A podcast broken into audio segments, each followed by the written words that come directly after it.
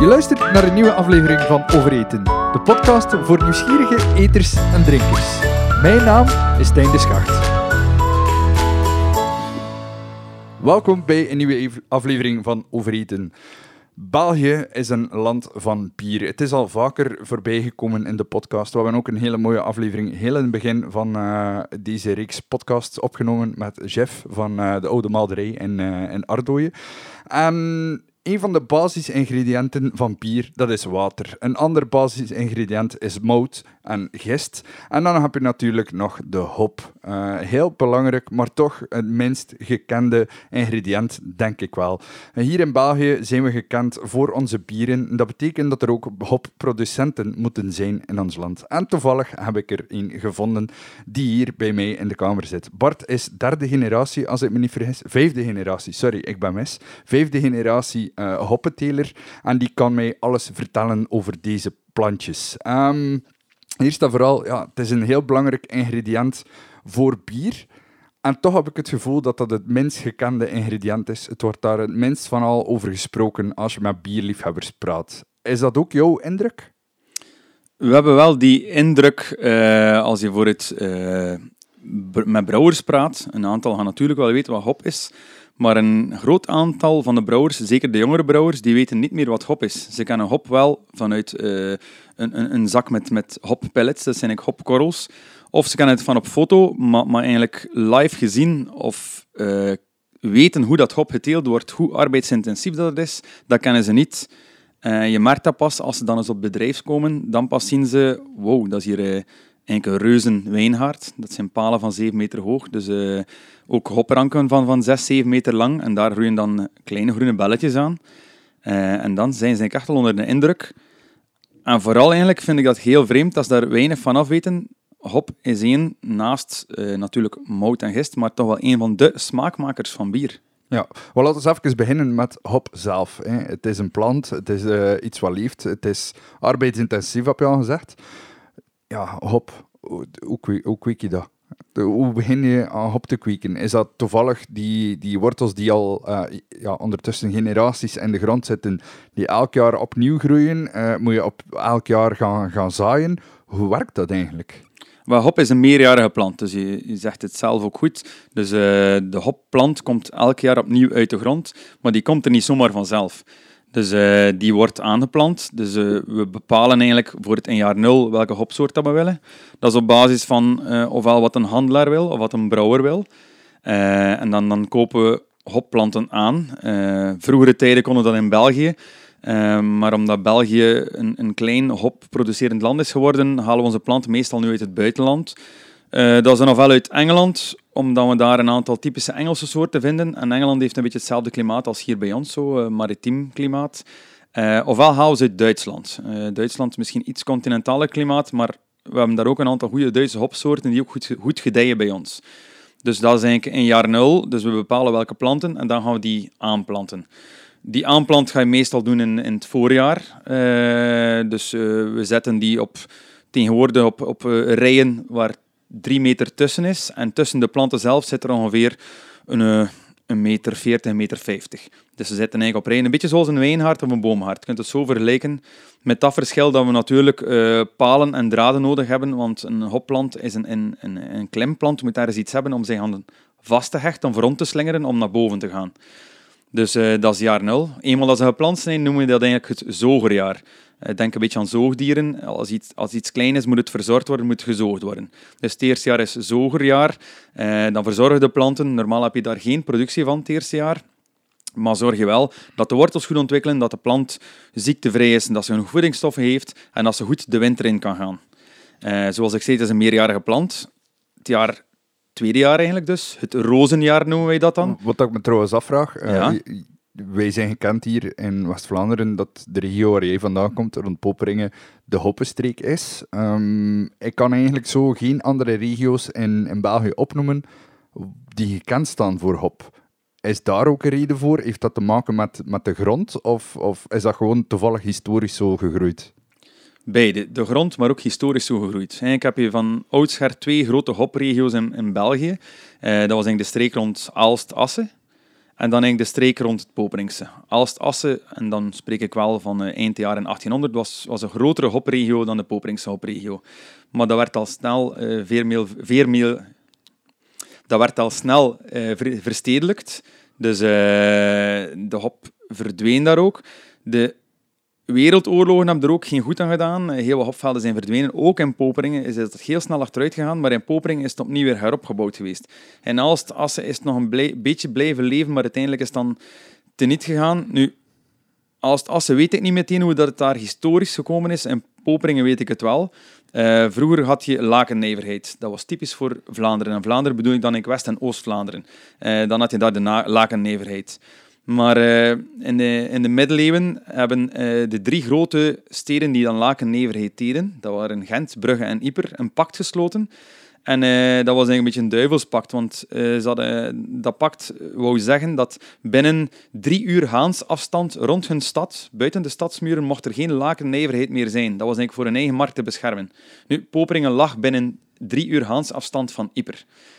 Dus de Poperingenaars moesten stoppen, maar dat was hun bron van inkomsten. Poperingen was daardoor rijk. Poperingen heeft als kleine gemeente drie grote kerken, dat getuigt van vroegere grote rijkdom. Um, dus ze moesten stoppen. We wilden niet meteen luisteren. Uh, er is wat uh, gebakkelei geweest. Uh, de Iperlingen zijn zelfs eens in Popering alles kort en klein komen slaan. Poperingenaars wouden toch verder blijven doen.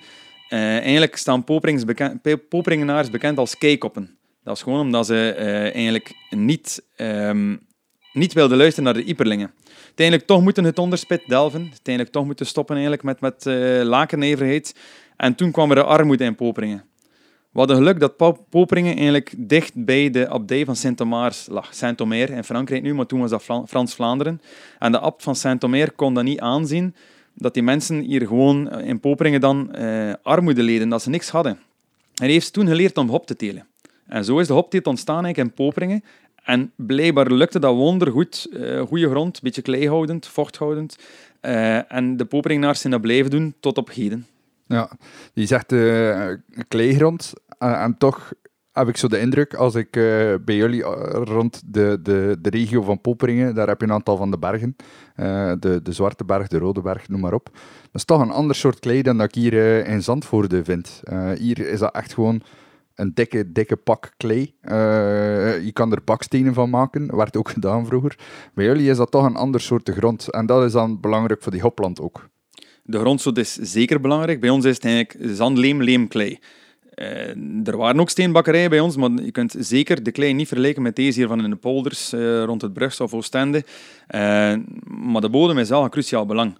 Voor het hopvelden ga je veel minder vinden. Uh, hoog op de, de Kemmelberg of de, of de Zwarte of de Rode Berg, de grond is daar te arm of te veel stenen. Je gaat ze ook veel minder vinden in de zandgronden, want hop heeft wel degelijk water nodig. Ze eigenlijk wel waterminnend, dus als je wat zandleem, leemklei hebt, het houdt water vast. Dat is eigenlijk wel goed voor in een droge zomer. Ga je richting uh, de zandstreek, de typische groentestreek, daar ga je hopteelt niet vinden. Die hopplanten gaan gewoon niet goed gedijen, gaan uitdrogen. Dus uh, heel belangrijk waar het gebeurt, hoe dat gebeurt. Het eerste jaar, dat heb je net gezegd, die plantjes die worden aangeplant. Um, verrassend eigenlijk dat je altijd plantjes ergens anders gaat zoeken. Is dat een beetje om ja, het, het, uh, de, de planten gezond te houden, dat je niet met je eigen planten voortwerkt? Um, we halen eigenlijk plantjes uit het buitenland of van een erkende plantenkwekerij eigenlijk om ervoor te zorgen dat ze virus echt of virusvrij en soortecht zijn. Dus virusvrij wil zeggen dat ze zeker ziektevrij zijn, dat we starten van gezonde planten, want die planten kunnen, allee, ons oudste hopveld, en dat bedoel ik dan qua planten, is misschien al 30 jaar oud. Uh, we hebben natuurlijk ook hopvelden van pas drie jaar oud, maar als je wel 30 jaar aan een stuk planten kweken dan moet je vertrekken van een goede basis. Nu, als we hier en daar een plant hebben die, die uitvalt, of een, een, aantal, ik zeg maar iets op een hectare, een twintigtal planten die, die, die, die kapot zijn van de 2000, dan gaan we die wel, uh, dan we wel een stekje nemen van een plant die ernaast staat. Of, of er is een stukje verder in het veld, dan nemen we gewoon van dezelfde soort, scheuren we een stukje van de wortelblok en planten we dat. Maar om een volledig nieuw hopveld aan te planten, doe ik het liever met ingekocht plantgoed. Je hebt andere landbouwers die er een andere visie over hebben. Natuurlijk, het kost wel wat. Een nieuw plantje tegenwoordig kost al 4 euro. Als je ze zelf scheurt, kost het u niks. Dus 4 euro maal, maal 2000, dat is al een, een serieus kapitaal om dan te weten dat je eigenlijk drie jaar moet wachten. Want ik had gezegd, we hebben het zogerjaar. Het tweede jaar is het rozenjaar. Als je geluk hebt, ga je ehm, productie hebben. En het derde jaar is het bruidsjaar. Dat is Dus- volle dus het- productie. Het, het, het, eh, tweede jaar, als je geluk hebt, ga je productie hebben. Dat betekent eigenlijk dat die plant groeit, maar dat die niet per se fruit of, of, of, of bellen aflevert. Die had normaal gezien altijd wel bellen afleveren, de planten, in, in het rozenjaar. Maar voor het, dit jaar, in 2022, was het een heel droog jaar. De planten hebben het lastig gehad. En dan merk je, als je dan net nieuwe aanplant hebt, die hebben nog niet genoeg wortels om, om echt eh, veel te produceren. En dan is het soms beter om de keuze te maken om gewoon je hopplant te laten hangen. Eh, dan kan die op het gemak afsterven en gaat gaan eigenlijk alle voedingsstoffen terug naar de wortel. En ga je eigenlijk op termijn, dat is eigenlijk investeren op, op, de, op de lange termijn, dat je ervoor zorgt dat je plant gezonder is en dat je misschien in jaar twee niet kunnen oogsten hebben, maar je jaar drie en vier enzovoort een veel betere oogst hebben. Dus soms moet je een beetje de af, het is werken met de natuur, soms moet je de afweging maken. Ehm, moet ik wel oogsten in het tweede jaar? Moet ik precies al winst willen maken in het tweede jaar? Heb je een nat jaar, dan is het meestal geen probleem. Dan kun je perfect oogsten in het tweede jaar. Maar denk je het derde jaar, bruidsjaar, en dan blijf je een heel aantal jaren op de top. Wanneer mindert dat dan? Daar moet je ook weer de afweging maken. Als je al die hopplanten, stel nu na 20 jaar dat je ziet, de productie begint stilletjes aan achteruit te gaan. Als je al, al die hopplanten moet rooien, dat vergt al heel veel werk. Eh, dan moet je met een kraan uittrekken, dan moet je die hopplanten ergens na- naartoe voeren, nou laten composteren. Moet nieuwe planten inkopen, moet je dan weer drie jaar wachten tot je weer productie hebt. Is dat het waard ten opzichte van nog vijf jaar of zes jaar te kweken met een iets lagere productie? Dus dat is een afweging dat moet maken. Ehm, en natuurlijk stopt op een gegeven moment wel. Maar ik zeg het, we hebben een hopveld van, van 30 jaar oud. En in mijn ogen is het altijd, zeker eh, vorig jaar niet, maar het jaar ervoor, in 21, een nat jaar met toch wel wat zon in september, hadden we een topproductie. Het was, het was net alsof het het derde jaar was. Dus dan zie je dat zo'n veld toch nog kan eh, overleven, of toch nog iets, iets nuttig kan voortbrengen. En dan is het wel een goede keuze geweest om niet meteen te zeggen tabula rasa en we starten vanaf nul. Heb je daar gezegd op in de streek wat dat de oudste velden zijn? Ah, ik bedoel, dat je bent al eventjes in het vak, eh, je familie zit al eventjes in het vak. Ja, dan weet je toch wel wie en, wat er eh, allemaal staat en wie met wat bezig is in de streek. Zijn er nog oudere velden dan, dan 30 jaar, dat je van weet? Oudere velden dan 30 jaar, dat, dat weet ik niet zo meteen. Maar eh, wat ik wel weet is voor het een, stuk waarop onze hopvelden staan, dat is een labgrond die mijn grootvader kreeg toen hij trouwde.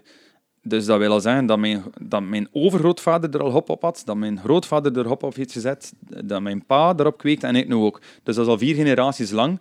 Dus je kunt al snel besluiten dat er al bijna 100 jaar hop op staat. Ehm, maar natuurlijk, de palen zijn al vernieuwd, want het zijn uiteindelijk houten palen, die rotten. Draad verroest ook, moet je ook ooit vernieuwen. Planten zijn ondertussen al veranderd geweest, maar, maar de grond, of de labgrond, is, is al altijd hopveld geweest. Dus eh, zo kun je dat wel eh, bekijken wat oude hopvelden zijn. Je ziet het ook aan de families. Zijn meestal typische families. Eh, Een aantal familienamen keren altijd terug in de hopwereld. Dat is omdat dat gewoon van vader op zoon of van vader op dochter wordt, wordt eh, doorgegeven, die kennis. Eh, in, in school kun je het niet meer leren. En We zijn met te weinig om dat nog ergens in, in het landbouwonderwijs te onderrichten. Of moet je al gaan naar Duitsland om het, om het te leren. Dus we geven die kennis eigenlijk van vader op, op zoon of dochter door.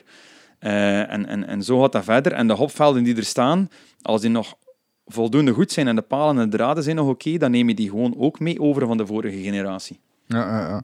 Maar die 30 jaar, dat is niet uitzonderlijk dan.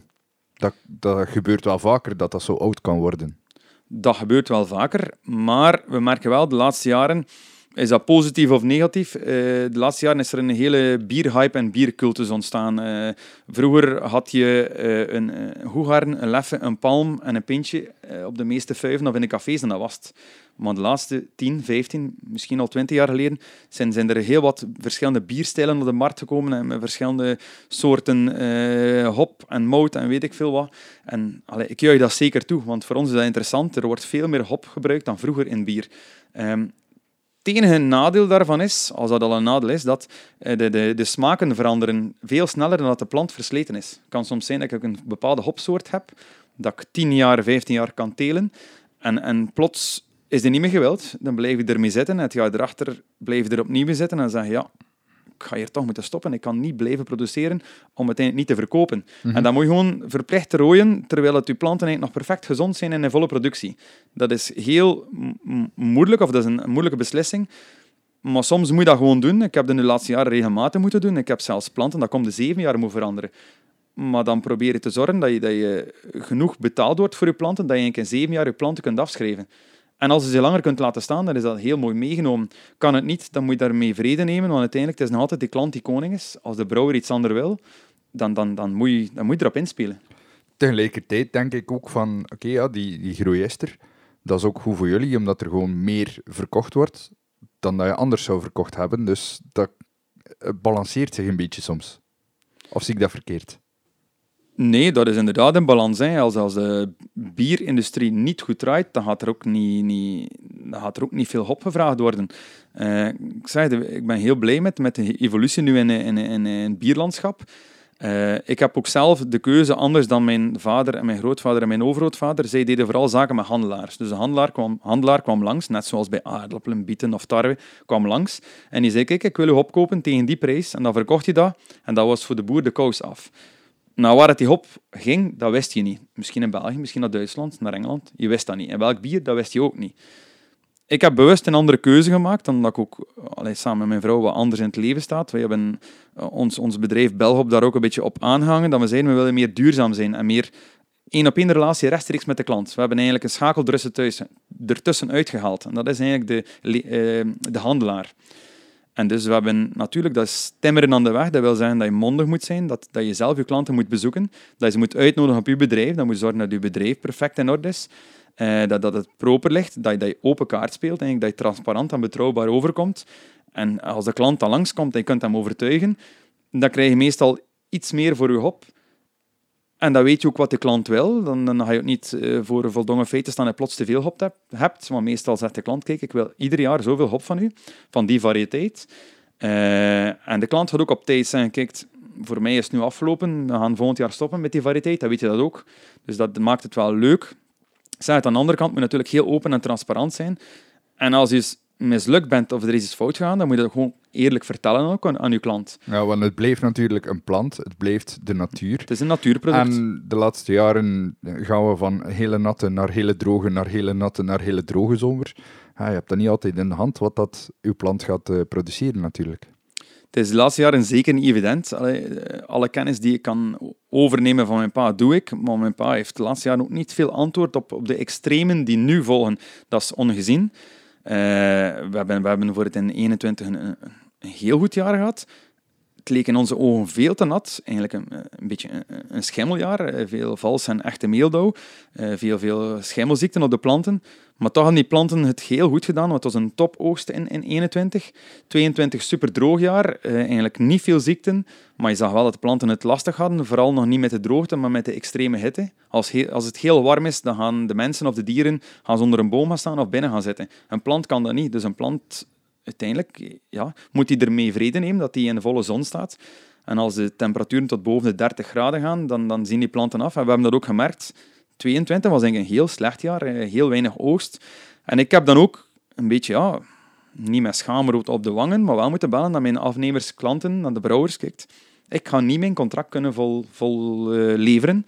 Hebben jullie daar een probleem mee? Moet ik hop gaan zoeken op de vrije markt? Wat voor mij heel uh, nefast is. Dat wil zeggen dat ik ergens hop moet gaan kopen, terwijl er niet veel hop is. Dat ik er aan dure prijzen moet bijkopen om aan goedkope prijzen te verkopen. Dat is denk ik met verlies verkopen. Mm -hmm. nu, al mijn klanten eigenlijk, ik heb er een heel goede relatie mee. Er is niet één geweest die zei, je moet, ze zeiden allemaal, kijk, we weten, je werkt met de natuur, je zit eerlijk, het is een zo, het is een anders. Als het natuurlijk jaar op jaar zou zijn, dan zouden ze zeggen, ja, investeert misschien in beregening, of investeert misschien daarin en daarin, in, weet ik veel, een zonnescherm of een schaduwscherm. Eh, maar als je een goede relatie hebt, lukt dat wel, dan kun je dat wel aan boord leggen. En ze weten ook, het is een natuurproduct. dat is ook net het mooie. Je kunt zeggen, kijk, mijn bier wordt gemaakt met natuurproducten. Ja, dat, um, die, die plant, ja, ondertussen zitten we in dat derde jaar, dat bruidsjaar, uh, waarin dat die plant produceert. Maar ik kan me er nog altijd weinig bij voorstellen. Dat is een klemplant, dus ik ga ervan uit dat die, die palen die je gezet hebt, ondertussen vol met een klemplant hangen, tot helemaal bovenaan. Maar welk deel van die plant gebruik je eigenlijk? Wat, wat wordt er geoogst van die plant? Kun je daar even uh, wat meer uitleggen? Dus uh, de hopplant is inderdaad een, een, een slinger of een klimplant.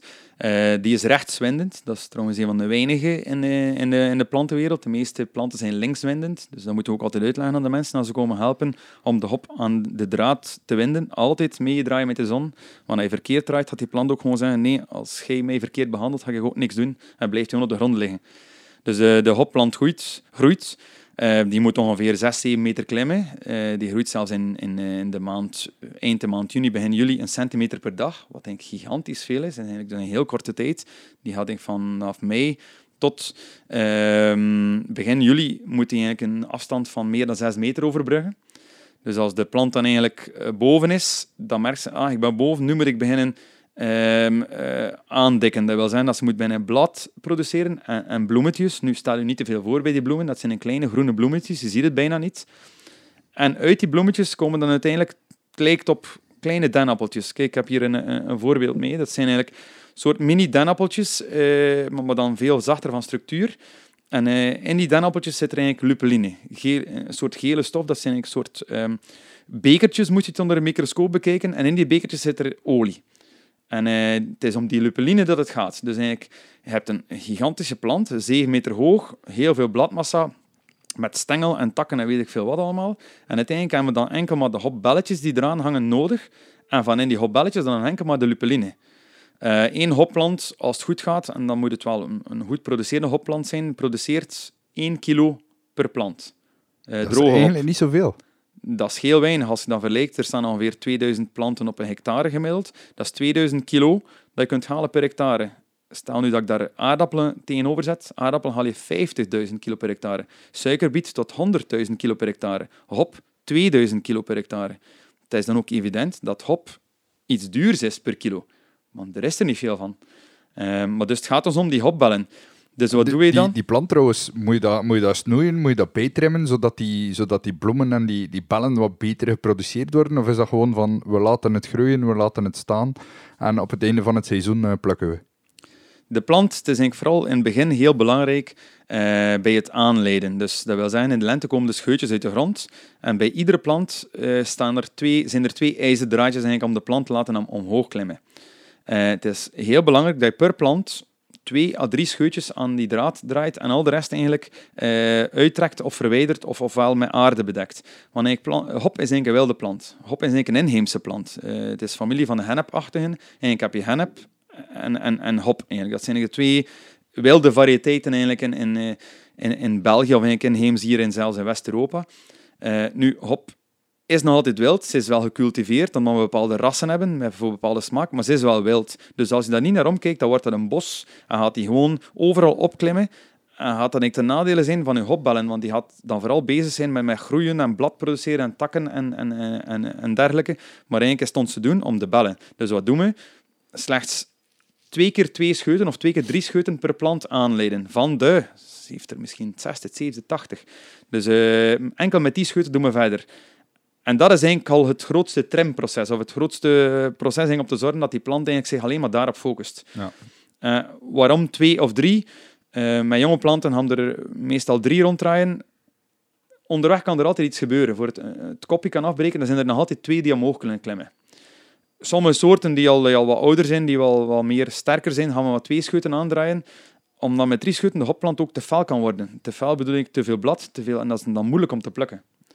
Dus dat is een beetje de manier waarop hop eigenlijk wordt getrimd. In het voorjaar, in de culinaire wereld, daar zijn hopscheuten ook zeer gegeerd. Is dat dan ook een moment waarop dat je die, die plantjes begint te wikkelen uh, rond die draad, of is dat nog iets later? Je hebt eigenlijk twee periodes voor de hopscheuten. Je hebt, uh, je hebt hopscheuten in de winter, maar dat zijn geforceerde hopscheuten. Dat zijn uh, hopplanten of hopblokken noemen wij dat, die uit de grond gehaald worden en eigenlijk in een schuur worden gelegd op een, op een verwarmde grond onder aarde. En dan gaan ze daar de hopscheuten van plukken. Dat is uh, minder natuurlijk. In de natuur zelf kun je hopscheuten binnen plukken in de vroege lente, zoals je zelf zegt, dus vanaf half maart tot daar is, of begin maart tot daar is ja, half eind april. En dat is net ook het moment dat de hopscheuten bijna boven komen. Uh, en dat voor ons ook interessant is. Maar wat doe je? Voor, als, als de lente net begint, snijden wij de hopplant tegen de grond terug af. Is eigenlijk om een verse nieuwe scheuten te krijgen. Want anders heb je nog de oude stengeldelen uh, die er nog zitten van het jaar ervoor. En in die stengeldelen tegen de grond kunnen er nog eitjes zitten, bijvoorbeeld van een rode spint, spintmeid eigenlijk. Dat is een vijand van de hop. Kunnen er ook andere ziekten zijn. kan er ook nog onkruid staan. En als we dat mooi tegen de grond afsnijden, ben je met een propere lei moet natuurlijk zorgen niet te diep snijdt, dat je hopplant niet beschadigd is. Dus we starten eigenlijk inderdaad eh, in, in, eh, in april is dat meestal eigenlijk eind maart, begin april eigenlijk, met het versnijden, om dan eigenlijk met een propere lei te beginnen. Gopscheuten komen dan uit de grond. Uh, het hangt ook een beetje af van de, van de, van de temperatuur. En dan is het eind april, begin mei, dat we beginnen met de hopplanten eigenlijk aan te leiden. Als we zien, de hopscheuten zijn lang genoeg om, om ze aan te leiden, dan leiden ze aan iemand die hopschutten trekt op het veld, die gaat uh, die hopplanten niet meteen versnijden, maar net wat extra aarde opgooien. Het is een beetje zoals bij de asperges. Vanaf dat een asperge boven de grond komt, dan wordt die groen en is die taaier. Hetzelfde ook met de hopschut, die is mooi wit. Komt die boven de grond, dan krijgt hij een paars kopje en is hij niet meer eetbaar. Dus uh, hopscheuten plukken moet je eigenlijk ook doen ja, in, in, in die periode. Dan moet je de aarde wat verwijderen en moet je dus voorzichtig proberen de scheuten uh, uit de grond te halen. Uh, maar dat is heel arbeidsintensief. Als je een uur plukt, ik weet niet, in een uur plukken gaat nog geen kilo hebben, verre van. En dan moet je ze nog pro proper maken en sorteren. Dus het is heel arbeidsintensief. En dan ook nog eens ja, in, in barre omstandigheden op je knieën eh, door, de, door de velden kruipen. Dus het is wel iets heel specifiek. Ja, er zijn uh, heel weinig mensen die, die het nog doen, heb ik zo de indruk. Uh, maar het blijft wel een, een gegeerd product in, de, in de wereld van de gastronomie natuurlijk het is zeker geheerd, het is, het speciaal. En vooral omdat, dat is misschien ook net het geluk, doordat het heel kort is het seizoen. Mocht iets het jaar rond te verkrijgen zijn, ja, dan is het niet meer speciaal. En, en dan wordt het uh, door de weekse zakte prijs. Maar door het net heel, heel korte periode is en zo arbeidsintensief en zo specifiek, uh, is het wel gegeerd. Maar het zijn er inderdaad niet veel meer die het doen. Die het doen. Je moet ook mensen vinden die het willen doen. Je kunt dat natuurlijk als boer zelf doen, maar meestal heb je toch ook wel één of twee mensen van personeel nodig. Maar er zijn bitter weinig mensen die het willen doen moet ook de goede grondsoort hebben. Uh, onze grond, waar wij onze hopvelden hebben, zit er vooral meer klei dan zandleem. En tegen dat wij alle aarde van onze hopscheuten hebben verwijderd, zijn die hopscheuten al lang gebroken of getoucheerd en kunnen ze het niet meer leveren. Dus uh, vandaar dat we het eigenlijk niet doen. Uh, we hebben een aantal andere velden waar het wat lichter grond is. Daar zouden we eventueel de overweging kunnen maken om het wel te doen. Maar vooralsnog hebben we dat besluit niet genomen. Ja, soms gewoon uh, een paar stekjes voor jezelf thuis en uh, klaar. Dat wel. Soms eten wij de zondagmiddag een, een maaltijd van uh, misschien wel 1000 euro. Dan gaan we gewoon met het Hanse gezin wat hopscheuten verzamelen. en in twee uur of drie uur tijd hadden we de zondag voormiddag hopscheuten verzameld. Met wat frietjes en, en er is een, een lekkere biefstuk. En dan heb ik een, een topmaaltijd vers van het veld. Dat, uh, verser dan dat is heel moeilijk, denk ik. Ja, Zelfs, inderdaad. inderdaad. Ah, ik werk zelf in een restaurant. Ja, Wij kregen het soms aangeleverd. Ja, de tijd die het kostte van die man om van Popperingen tot bij ons te, te raken, ja, dat is al langer dan dat bij jou, uh, bij jou is de maaltijd al verorberd in die dat tijd. effectief zo. Ja. dus, uh, maar goed, we hebben dan uh, die, die, die belletjes. Hè. Je hebt wat, wat werk al gestoken in het, in het moet ik het zeggen, het aanleiden uh, van die plant, uh, het, het opkeuzen van je veld, zodat alles uh, goed groeit. En dat begint te groeien, moet er, moet er daar in die periode dat het groeit tot 6 meter ook af en toe wat bladeren weggesneden worden.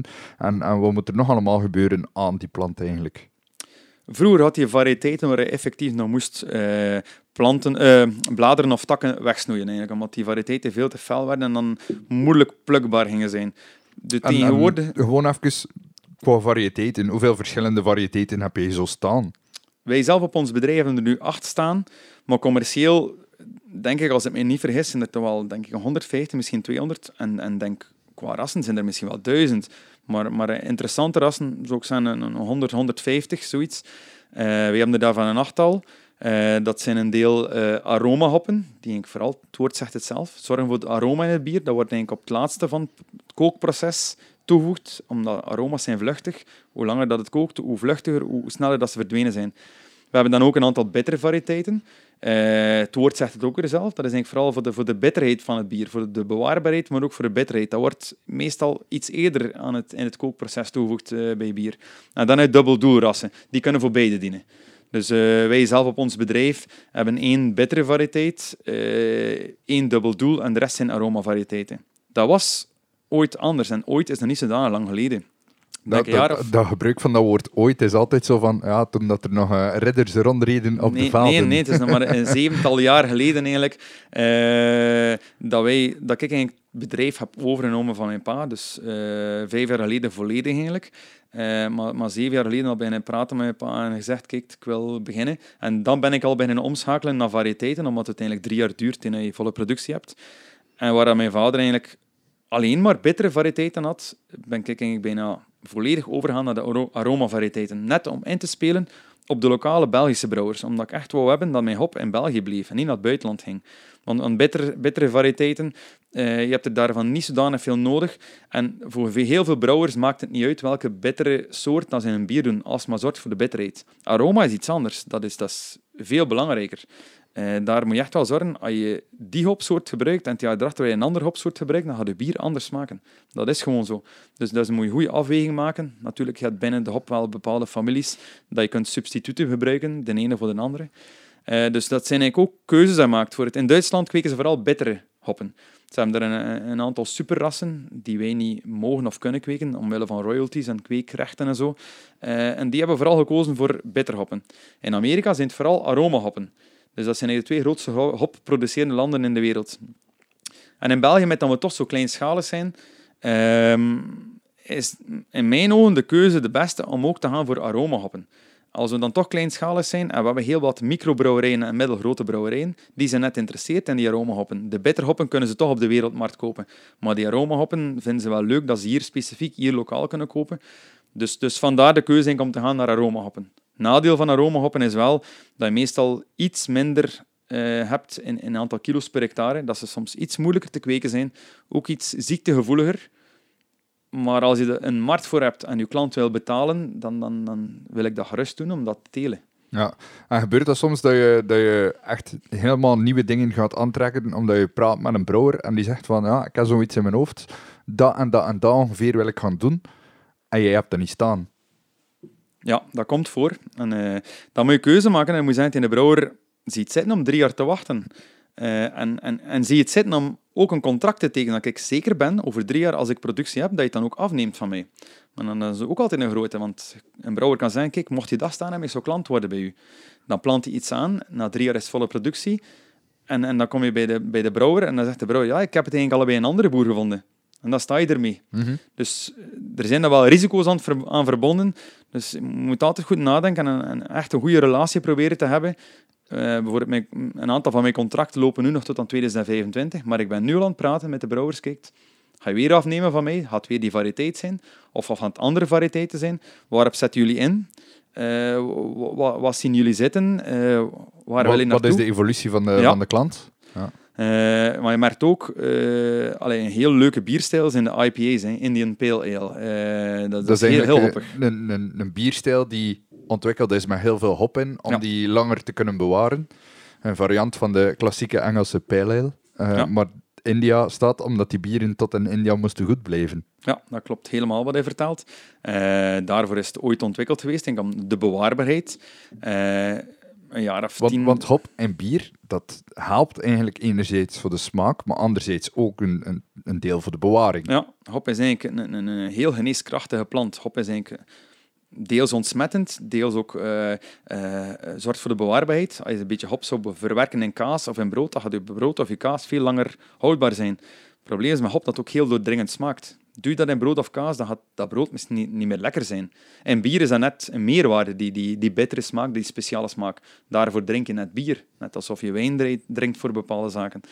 Eh, dus die, die evolutie juich ik zeker toe. Het is leuk. Allee, wat, dat, wat dat eigenlijk wel straf is, is dat bier is niet ontstaan met hop. Het is pas ergens in de late middeleeuwen dat hop aan bier is beginnen toegevoegd worden. Eh, ik denk in, in Gent is er een, een brouwerij die nog altijd bier maakt zoals voor de hop eh, toegevoegd werd.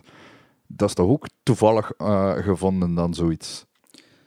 Ja, hoe dat precies ontstaan is, dat weet ik niet. Maar inderdaad, in Gent voor het, eh, een brouwerij die werkt met, met gruut. Eh, Ik ben blij dat er maar één is die dat doet. Het zou slecht zijn voor onze zaken. Dat een kruidenmengsel in gruut. En daarmee proberen ze eigenlijk hop na te bootsen.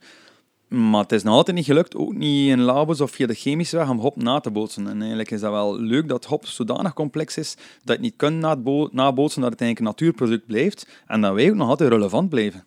Ja. Nu, uh, we gaan even terug naar de plant. Hè. Uh, sommige soorten die hebben uh, heel veel werk. heb je heel veel trimwerk aan om die plant eigenlijk te doen produceren. andere planten die groeien redelijk vanzelf en, niet, en niet zoveel werk aan om dat bij te trimmen.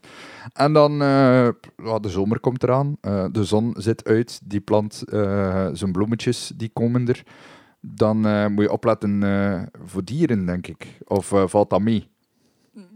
Als je insecten onder dieren steekt, ja, dan moeten we opletten.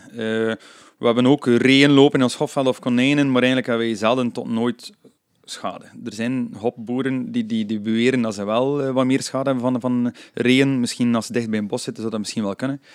Um, hazen kunnen misschien wel in het voorjaar, zeker bij kleine plantjes, en als voor het heel droog is, de plantjes afeten om, om wat sap uh, mee op te nemen. Maar vooral insecten en, en, en, schimmels, hè, dat zijn eigenlijk onze grootste vijanden. Uh, zijn, zijn andere hopplanten trouwens ook geen vijanden van de plant?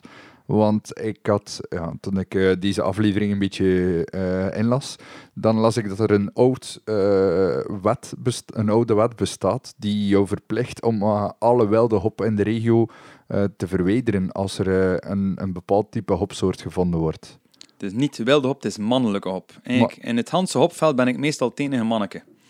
Het zijn allemaal vrouwelijke planten omdat steek je een manneke en een vrouwtje samen, dan, dan is het koekenbakken. Dan, uh, dan bevruchten ze elkaar. Dan hebben ze alleen maar oog voor elkaar en niet meer voor, uh, voor jou. En, ja, ja, ook. Ja. En maar dus eigenlijk de hop uh, wordt eigenlijk bevrucht. En de, de, de, de dennenappeltjes, de hopbellen waar ik van sprak, daar gaan er dan zaadjes in gevormd worden. En zaad is heel oliehoudend. Ehm, dat, is, dat is eigenlijk het voordeel van de hopboeren, want als er een zaadje zit in een hopbel, weegt uw hop eigenlijk meer, meer kilo's. Maar zaden geven natuurlijk ook wel een andere smaak. En zoals ik ook al zei, eh, is heel oliehoudend. En wat gaat er niet samen met olie? Dat is... Vocht. Nee, nog iets anders. Er is één land in de wereld waar, waar er geen schuim op bier staat. Waar is dat? Ah, Engeland. Ja. En waar, eh, welk land is net waar je mocht hop leveren met zaad in? Blijkbaar daar dus. Engeland, ja. Dus uh, schuim en, en olie gaan niet samen. Dus uh, ja, de Engelsen zijn sowieso altijd een beetje verkeerd. Uh, die, die hebben net wel mannelijke planten staan in een hopveld. Maar wat niet onlogisch is, want een bevruchte hopplant, of, of waar er mannelijke hopplanten staan, die planten zijn meestal gezonder. Dus die kunnen beter tegen ziekten. Dus eigenlijk is het niet zo onlogisch dat ze dat vroeger ook deden bij ons. Misschien ook wel voor de kilo's, maar ook voor de gezondheid. Maar bij ons is dat, en die wet bestaat nog altijd, in het Popringse ben je verplicht om de mannelijke hopplanten te bestrijden. Niet alleen als boer, maar ook als particulier. Als er een mannelijke hopplant in je tuin staat en ik zie dat, kan ik bellen naar de, naar de, naar de, naar de politie en, dan ben je verplicht om te verwijderen, dan kun je een gasboete krijgen. Dus, uh, en dat is denk ik van belang voor ons, want voor ons is economisch heel belangrijk. Onze hop kan afgekeurd worden. Er mag maar, ik kan me vergissen, maar ik denk dat er maar 3% zaad mag inzitten in je oogst. Dat is dus heel weinig. Dus stel dat je zit op 5 of 10 procent, is je Hanse hopoogst afgekeurd, omdat er een buur of ergens in een natuurgebied een wilde hopplant staat die toevallig mannelijk is. En, en die zaadjes van die hopplanten die kunnen zich kilometers ver verspreiden. Dus stel, stel je voor, hè, er staat een, een, een bos op, uh, op een kilometer van jouw veld dan ga je ook altijd in dat bos gaan controleren of dat er geen wilde mannelijke hop staat. Dat doen we. En ik heb ook een goed contact met de Agentschap voor Natuur en Bos, met Natuurpunt, met uh, onze lokale overheden die de groen, groen onderhouden, of met de provincie. En jaarlijks is er ook altijd een op, wordt er altijd een oproep gedaan. Bellen we die mensen op? Of wordt er vanuit stad Popering of vanuit de, de hoptelersvereniging een brief verstuurd om te zeggen, kijk, alsjeblieft, bestrijd het. Oké, Natuurpunt en, en een agentschap voor Natuur en Bos mogen geen bestrijdingsmiddelen gebruiken, dus die moeten dat uiteindelijk met de hand verwijderen. Wat niet evident is, want hop woekert in een haag of zo. Maar toch zijn ze verplicht van te doen, want voor ons is het van economisch heel groot belang dat ze dat doen. Maar dat lukt wel, ze hebben er al begrip voor. Uh, allee, als je een beetje goede verstandhouding hebt met, met uh, natuur. Ja, en iedereen natuurlijk, ja, je bent niet de enige uh, in de streek die dat doet, dus iedereen kijkt ook wel een beetje voor elkaar, neem ik aan. We kijken natuurlijk wel rond en ik heb een aantal buren, hoptelers. Dus we weten al snel waar dat er hopplanten kunnen staan. we hebben een bos niet zo ver van ons, we hebben een spoorwegbedding, we hebben een, een beek waar, die redelijk groen ingericht is. Dus met een aantal hoptelers gaan we daar dan wel gaan kijken en gaan we zeggen, kijk, ik denk dat het daar staat, denk je dat ook niet. Dus we houden het zo wel een beetje in toog. Natuurlijk, maar we zijn met minder en minder hoptelers aan het worden. We zijn dan met een goede 18 in Poperingen.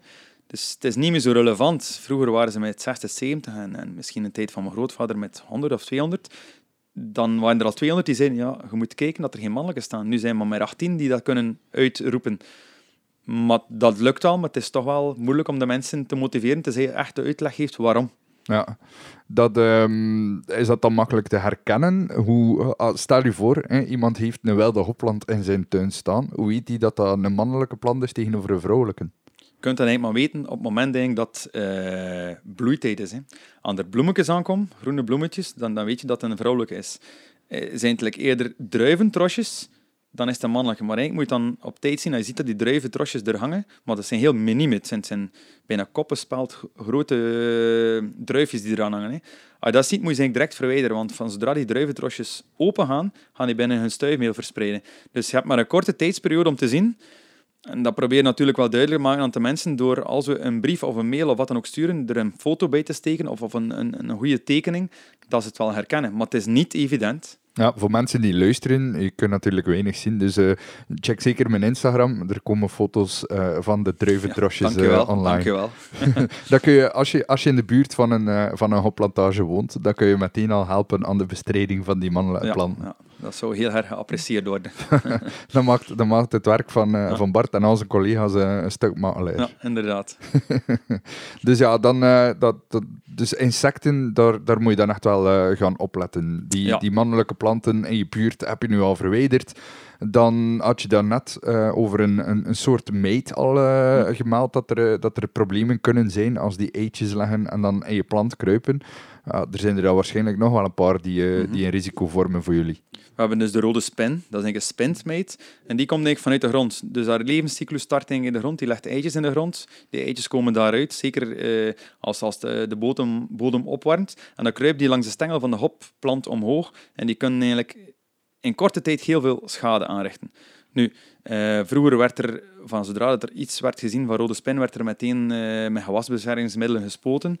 Uh, tegenwoordig hebben we ook al andere methodes. En, en, ik ben er ook wel voor te vinden. Dat is voor het uh, zorgen dat je de bodem soms een keer omwoelt. Dus wat doen wij regelmatig? Onze, bij de voet van de hopplanten, de hopplanten aanaarden, dus aarde er tegenaan gooien, of aarde ervan wegtrekken. Dus dan verstoor je een beetje het bodemleven en die eitjes drogen uit, want plots komen ze bloot te liggen, of worden ze helemaal bedekt met aarde. Zo zorg je ervoor dat je de levenscyclus van de rode spin eigenlijk kunt verstoren, waardoor dat we niet meer zo vaak moeten sproeien dan we het eigenlijk op die manier kunnen doen. Maar je moet wel iets meer met je tractor door het veld aan rijden. Dus het een heb je wel, allez, hebt aan de ene kant meer uitlaatgassen, aan de andere kant heb je minder gewasbeschermingsmiddelen. Um, onkruidbestrijding uh, doen we niet enkel mechanisch. Dus we sproeien niet meer in, in de hop, omdat ik wel ervan overtuigd ben omdat die hop daar jaren moet staan op hetzelfde veld. Als je wil hebben dat dat veld gezond blijft, dat je een goed bodemleven moet hebben. Dus daar gaan we met machines, ofwel met de hand, uh, wieden. Um, waarom verwijder je dat onkruid? Uiteindelijk zijn onkruiden, zeker in droge jaren, ook wel concurrenten. Hè. Nemen ook vocht weg. Hè. Dus als die onkruiden er niet zijn, dan kan alle vocht gaan naar de hopplant in plaats van naar die onkruiden. Niet alleen, niet alleen vocht, maar ook uh, mineralen en noem maar op die in de bodem ja, zitten. Ja, ze nemen uiteindelijk alles op en ze zaaien uit. Het wordt jaar na jaar erger, dus dat is een van de zaken. Nu, naast uh, rode spin hebben we ook bladluizen. Bladluizen kunnen ook een probleem zijn als ze met te veel zitten op, op, op een plant. Dan, dan zuigen ze eigenlijk al het sap weg uit, uit de bladeren. Nu, we zitten in een soort waarschuwingssysteem. Uh, dat is eigenlijk Inagro, is eigenlijk het onderzoekscentrum voor de land- en tuinbouw in Beitem, bij Roeselare. En uh, wij, ons, onze eigen velden zitten eigenlijk in dat waarschuwingssysteem. Dat wil zeggen dat ze wekelijks komen bij ons bladluizen tellen. En we hebben al geleerd, een gezonde plant die kan eigenlijk perfect leven met een veertigtal bladluizen per blad. Dat is eigenlijk heel veel. Maar dat je een beetje kunt vergelijken met, met een mens. Ben je gezond en je gaat gaan zitten bij iemand die verkouden is, dan ga je het normaal niet vangen, dat gaat wel lukken. Maar ben je zelf al wat vermoeid en, en al niet in, in topconditie, dan ga je snel verkouden worden. Hetzelfde met die planten. Dus als je zorgt dat de planten gezond zijn, kunnen ze perfect leven met wat bladluizen. Hoef je niet te sproeien. Het is maar als er een kritische drempel overschreden wordt, en ze tellen dat bijvoorbeeld in ons veld, dan zeggen ze plots, het waarschuwingsbericht bericht wordt uitgestuurd. We hebben gezien op veld A van Bart Boerhaven, zien we dat er zoveel bladluizen zitten. Controleer uw eigen velden, het is misschien het moment om te sproeien. Als dat niet nodig is, moet je het niet doen. Dus dat is wel een mooi systeem. Dus dat zijn eigenlijk de twee belangrijkste insecten uh, dat we hebben die, die eigenlijk tegen ons werken. We hebben ook goede insecten. Liefheersbeestjes zien we heel graag komen. Die, die eten heel veel bladluizen op. Dus als we al hebben we sproeimiddelen die eigenlijk selectief werken. Gaan vooral zitten op de bladluizen, maar gaan de liefheersbeestjes niet raken. Dus die kunnen blijven leven en die kunnen nog de overschot van de bladluizen opkruisen. Ehm, libellen zijn ook wel graag gezien, uh, roofmeiten, sluipwespen. Dat zijn eigenlijk allemaal nuttige voor ons, die eigenlijk ervoor zorgen of die eigenlijk andere insecten bestrijden. Uh, in het voorjaar hebben we ook eh, slakken, dat kan ook soms gebeuren, dat ze eigenlijk onderaan de wortels opeten. Uh, daar kun je niet veel aan doen, tenzij wat slakkenkorrels strooien. en ze hebben ook blijkbaar de voorkeur voor bepaalde hoprassen en andere niet. Um, dat is dan wat... Ja, want, uh, van slakken, verrassend genoeg, ik, uh, heb ik ook geleerd dat dat eigenlijk wel picky eters zijn. Dat die niet zomaar alles opvreten. Nee, die, die zijn heel... Ik heb één hopsoort, en ik weet al bijna zeker, als ik moet zoeken naar slakken, dat die gaat zijn. En nogthans, drie meter verder staat er een andere hopsoort. En die steken niet over. Hè. Dat moet blijkbaar niet lekker zijn. Dus, ja, uh, heel, heel vreemd. Uh, moet dat zijn dat fijnproevers zijn. Ja, zijn, dat is wel degelijk wat dat de, de slaggenkweker ja, zei die hier, die hier bij me zat. Dus het, het was voor mij ook een verrassing, om eerlijk te zijn. Ik vind dat straf dat je dat nu ook zegt. Maar dat, is, dat is boeiend, dat is wel leuk, dat is de natuur. Hè. Ja, natuurlijk. en daarnaast van ziekten, wat hebben we nog? Dat zijn uiteindelijk dan de, een aantal schimmels. botrytis en dan vals en echte meeldauw. Uh, dat zit trouwens ook op druiven, hè. je kunt dat een beetje vergelijken. Dus dat zijn, dat zijn schimmelziekten. En daar kun je bijna niet anders als, als je als je dat hebt om, om er tegen te behandelen. Is dat nu met biologische middelen of met, met uh, chemische middelen? Je moet, je moet er iets tegen doen, want je hele oogst kan kapot gaan. Ja. Uh, droge jaren zijn voor ons dan in het voordeel, droog en veel wind, dan, dan, dan, dan dat is niet leuk hè, voor schimmels. Een nat jaar, hele natte zomer, is voor ons in het nadeel. Maar een nadeel is ook een voordeel. Natte jaren zijn net goede jaren voor de hop, groeit liever. Dus dat is altijd een, een dus afweging. met de beul. Ja, eh. inderdaad, inderdaad. Dus het is dan in die natte jaren is het extra gaan controleren dat je planten oké zijn. Is het extra zorgen dat, er, dat de condities voor schimmels niet uh, blijven ja. uh, bestaan. En toch, als het nodig is, moet je sproeien. Maar ook daar weer zitten we in het waarschuwingssysteem. Ook daar weer uh, zitten onze velden, zijn ze eigenlijk een soort controlevelden. Dus die mannen van Inagro doen dan de tour en ze zeggen, ja kijk, we hebben, de schimmeldruk is hoog en we hebben schimmels gezien. Dus boer, ga ook maar eens gaan kijken in uw veld. Of de schemeldruk is hoog, maar we zien nog niks. Het is nu nog niet nodig om te sproeien. Dus, en, dat is wel heel interessant. Dat is wel een verandering bij de tijd van mijn grootvader. Daar was gewoon, zie je iets, meteen sproeien. Ja. Dat was de, uh, alle hands aan dek. Iedereen uh, ja. de, de hop uh, gaan beschermen. Um, en dan, dan hopen dat dat werkt. Ja, inderdaad. Ja. Dat, is, dat, is, dat is eigenlijk wel een goede evolutie, denk ik, dan dat dat systeem bestaat. Want dat zorgt ervoor dat je niet onnodig gaat sproeien en dat, dat eigenlijk de kwaliteit van je, van je hop ten goede komt. Ja, eigenlijk kun je zeggen dat ons, ik ben geen biologische kweker, maar ik probeer, wel zo ecologisch mogelijk te telen. Ik heb zelf ook biologie gestudeerd, dus, dus uh, ik geloof er wel in. Uh, waarom heb ik niet de keuze gemaakt? Toevallig trouwens met een andere podcastgast uh, vertaalde je mij daarnet. Ik vind dat wel grappig. Dat je gestudeerd hebt samen met een andere ah, ja, ja, van met mijn gasten. Ja, ja, met Steen van de Omega Bars. Ja. Inderdaad, inderdaad. We hebben samen een onze eerste twee jaren in, in, in eh, Kortrijk gezeten aan de Kulak en daarna in Leuven. Dus dan eh, bracht hij bier mee en bracht hij fishsticks mee? Net, nu zouden we dat kunnen. Nu zouden we kunnen samen. Toen nog niet. Toen nog niet. Uh, trouwens, dat is, dat is met dat u nu hebt over een studiegenoot, met nog een andere studiegenoot van mij, ik was hem eigenlijk een beetje het oog verloren. En die had plantkunde gestudeerd en dan uh, verder gaan in de richting van gisten. Gisten zijn ook een soort planten, dan worden onder planten gecatalogeerd. En gist en bier, voel je de link al komen, die, die is gespecialiseerd in gisten. En is uiteindelijk begonnen met een eigen brouwerij. En toen uh, wij vijf jaar geleden begonnen met ons eigen bedrijf, wilden wij daar ook eh, bedrijfsbezoeken aan koppelen. Omdat we zeiden, we willen korte keten, we willen brouwers, maar we willen ook bezoekers. En mijn vrouw zei, ik wil graag ook bedrijfsrondleidingen doen om te tonen hoe dat een boer werkt. Dat de, dat de boer geen vervuiler is, dat de boer niet, niet zomaar een is die, die mest gooit voor, voor, voor, voor de leuten, maar dat, we dat, dat echt met een zeker doel is, met een zeker nut. Eigenlijk Ja, mensen... soms, soms denken mensen eh, van ja, die boer rijdt gewoon een beetje rond, eh, Ja. lekker mest strooien, om iedereen eh, last aan te doen. Ja. Maar zo werkt het niet natuurlijk. Totaal niet. En als we dat verhaal kunnen vertellen aan mensen, en je kunt er ook de hop aan koppelen, en de hop is hip, mensen vinden dat leuk, dat zit in bier, en als je dat kunt dan vertellen, vertellen dat het eigenlijk een natuurproduct is, maar dat je wel, wel werkt, lijkt alle landbouwers, hè, dan, dan is dat wel leuk. Dus we wilden eigenlijk na ons bedrijfsbezoek de mensen ook altijd iets aanbieden. En dan vonden we dat heel jammer, dat we moesten een biertje geven waar dat niet van wist dat mijn hop erin zat. Dat is een beetje zoals een wijnboer bezoeken. En je doet de Hanse winery, gaat de wijnkelders gaan bezoeken en dan krijg je een glas wijn van de buur. Dat, dat komt niet over.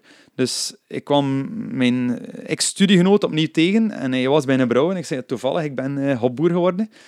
En eh, ik zei, ik zoek naar, naar, naar een biertje voor, eh, voor onze bedrijfsbezoeken te eindigen met 100% mijn hop. En eh, zo aan het praten geraakt en uiteindelijk beslist, kijk, gaan eh, samen een biertje ontwikkelen. Eh, niet grootschalig, we gaan er niet de café-tour op, dus ik ga zeker geen concurrentie aan doen aan mijn klanten, brouwers. Maar wel voor op ons eigen bedrijf te gebruiken om eigenlijk na het bezoek 100% onze hop te proeven, dat de mensen weten wat je gezien hebt, dat smaak je nu. En dat is saison lokaal geworden. Saison is een bierstijl.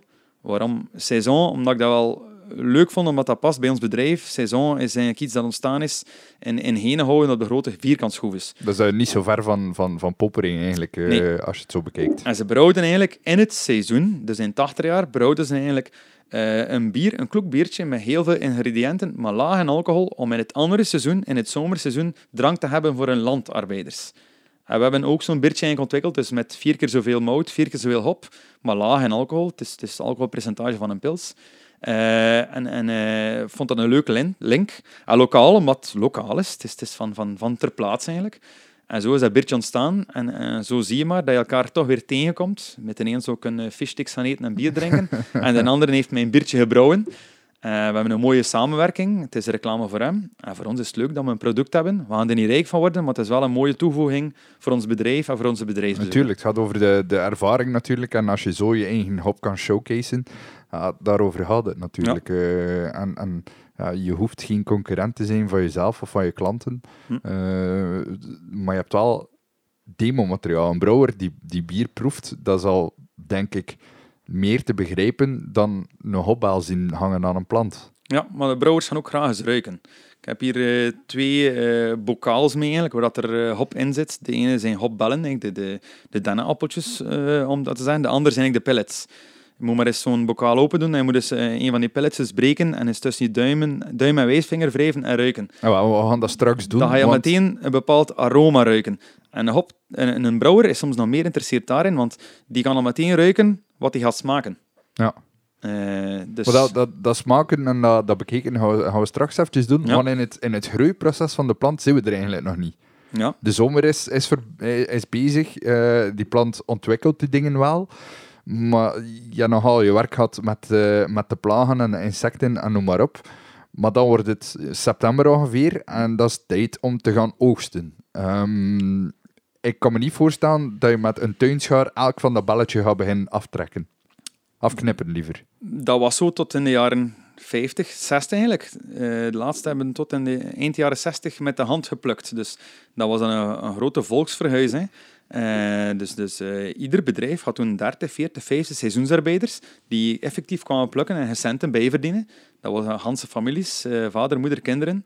Eh, de schoolvakantie trouwens duurde in Poperingen, begon pas op half juli en eindigde half september, omdat alle kinderen gingen kunnen thuisblijven om te kunnen helpen eh, plukken. pluk. Ja, ja, dus het is maar in de jaren 70 dat eigenlijk de schoolvakantie gelijk is geworden met de rest van België.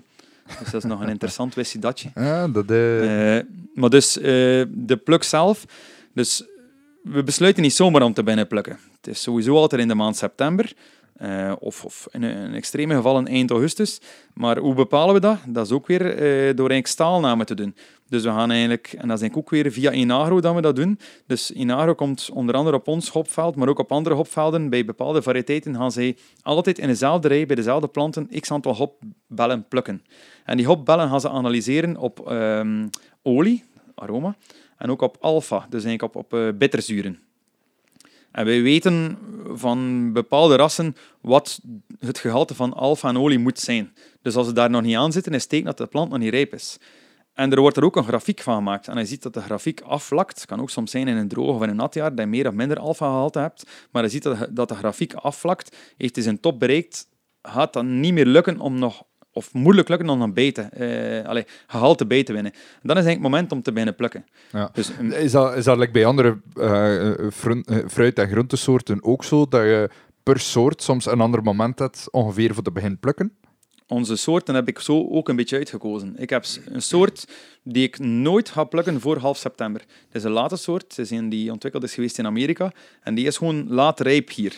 We hebben andere soorten die, die eerder komen vanuit, vanuit Midden-Europa, uh, vanuit uh, Tsjechië of Slovenië. En dat is eigenlijk een vroege soort. Die, die, die moet bijna altijd geplukt worden rond de 1 september of de 4 september. Dus uh, ik heb al zo mijn volgorde.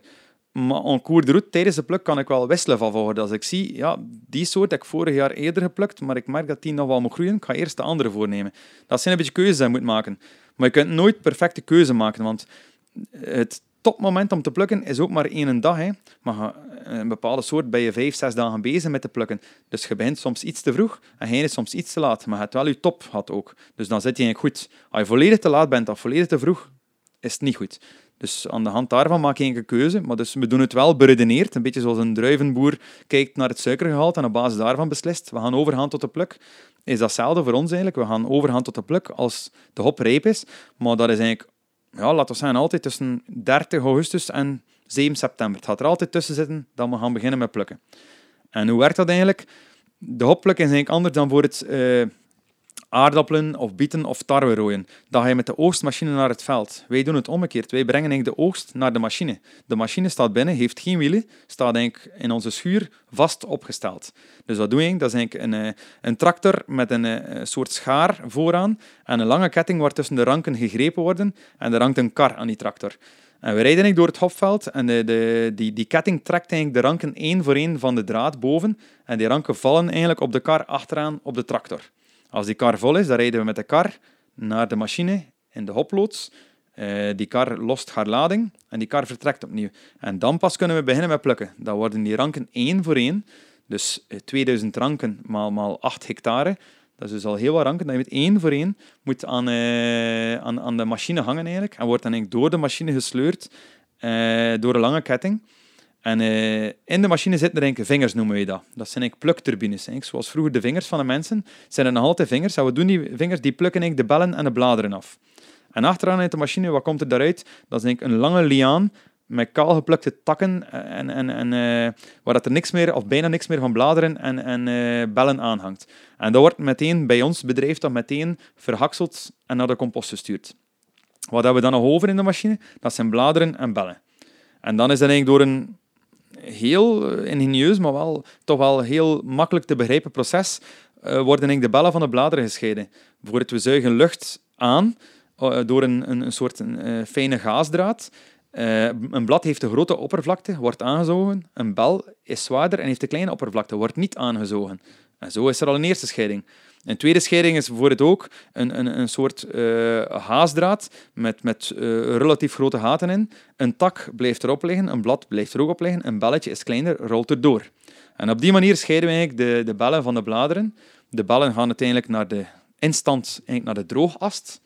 Uh, en, en de bladeren gaan ook naar de composthoop. Ja, want je zegt hier al de, de droogast.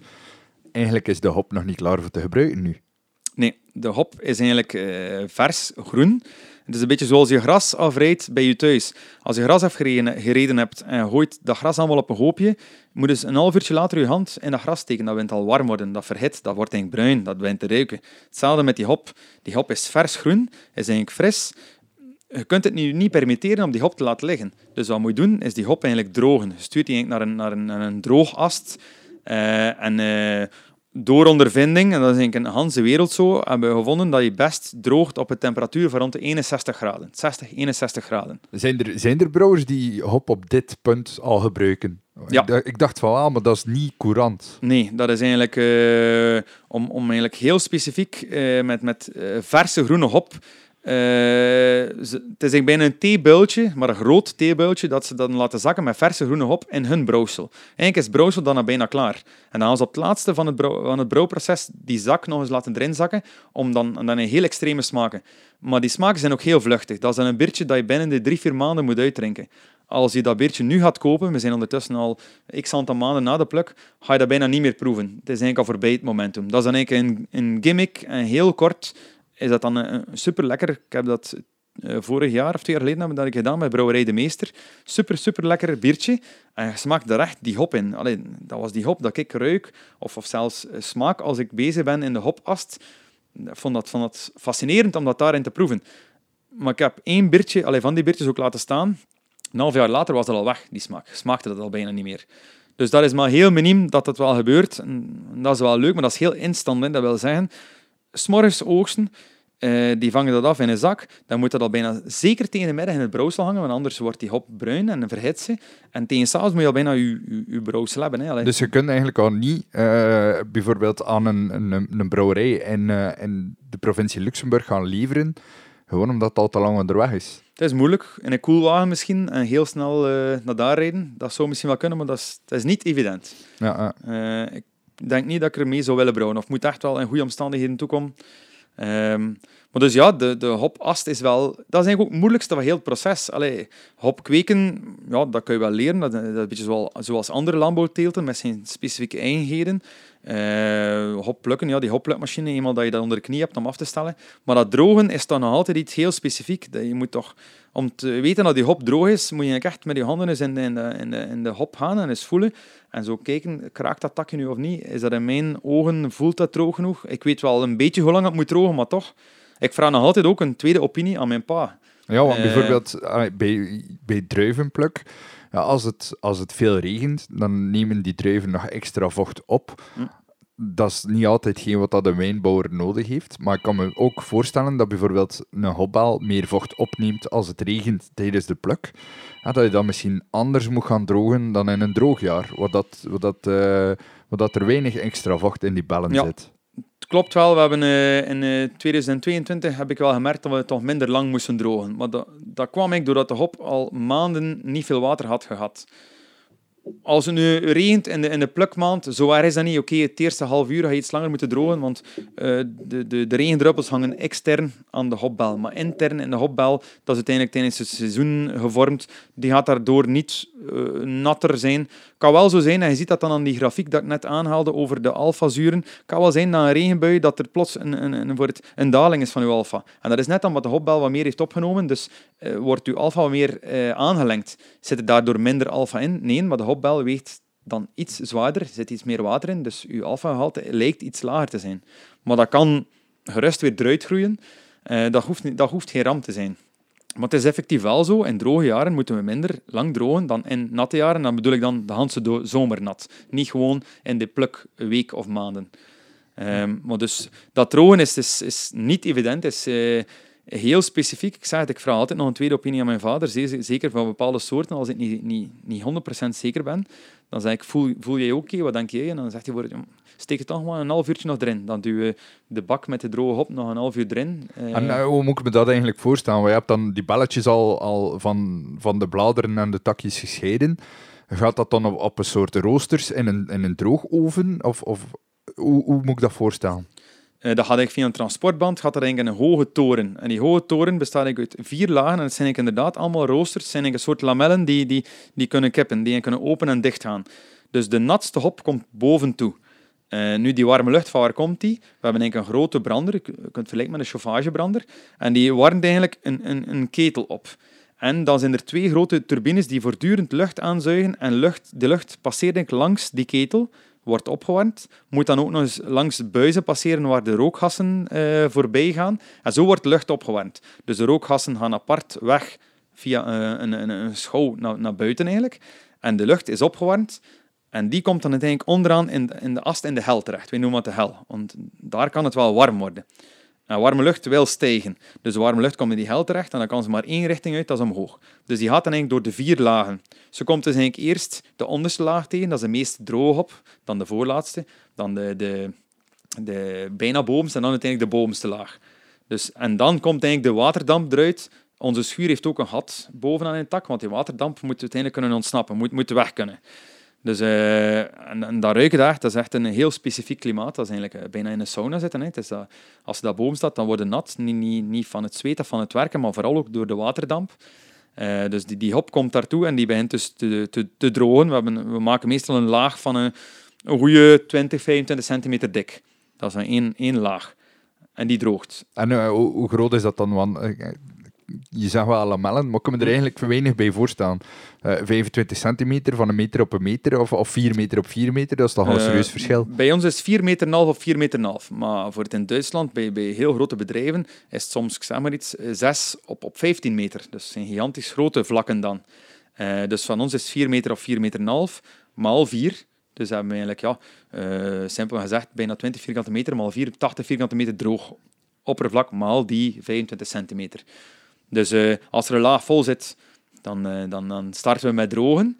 Als we dan opnieuw zien, we hebben een soort eh, wachtbunker of wachtcontainer. Als we opnieuw zien, we hebben genoeg hop tijdens het plukken, dan gaan we de boomslaag zakken door de lamellen open te doen. De hop valt erdoor, valt op de vloer eronder. Lamellen gaan weer dicht en gaan we weer een nieuwe verse hop op de boomse vloer doen. En zo is het eigenlijk een vol continu proces en gebruiken we ook onze warmte drie, vier keer voor de vier lagen. En eigenlijk is dat wel interessant, want je gebruikt voortdurend je dezelfde warmte. Keer verwarmen om uh, alles, ja. alles droog te krijgen. Voor het in Amerika hebben ze uh, vlakke vloeren, hebben ze niet echt geen torens.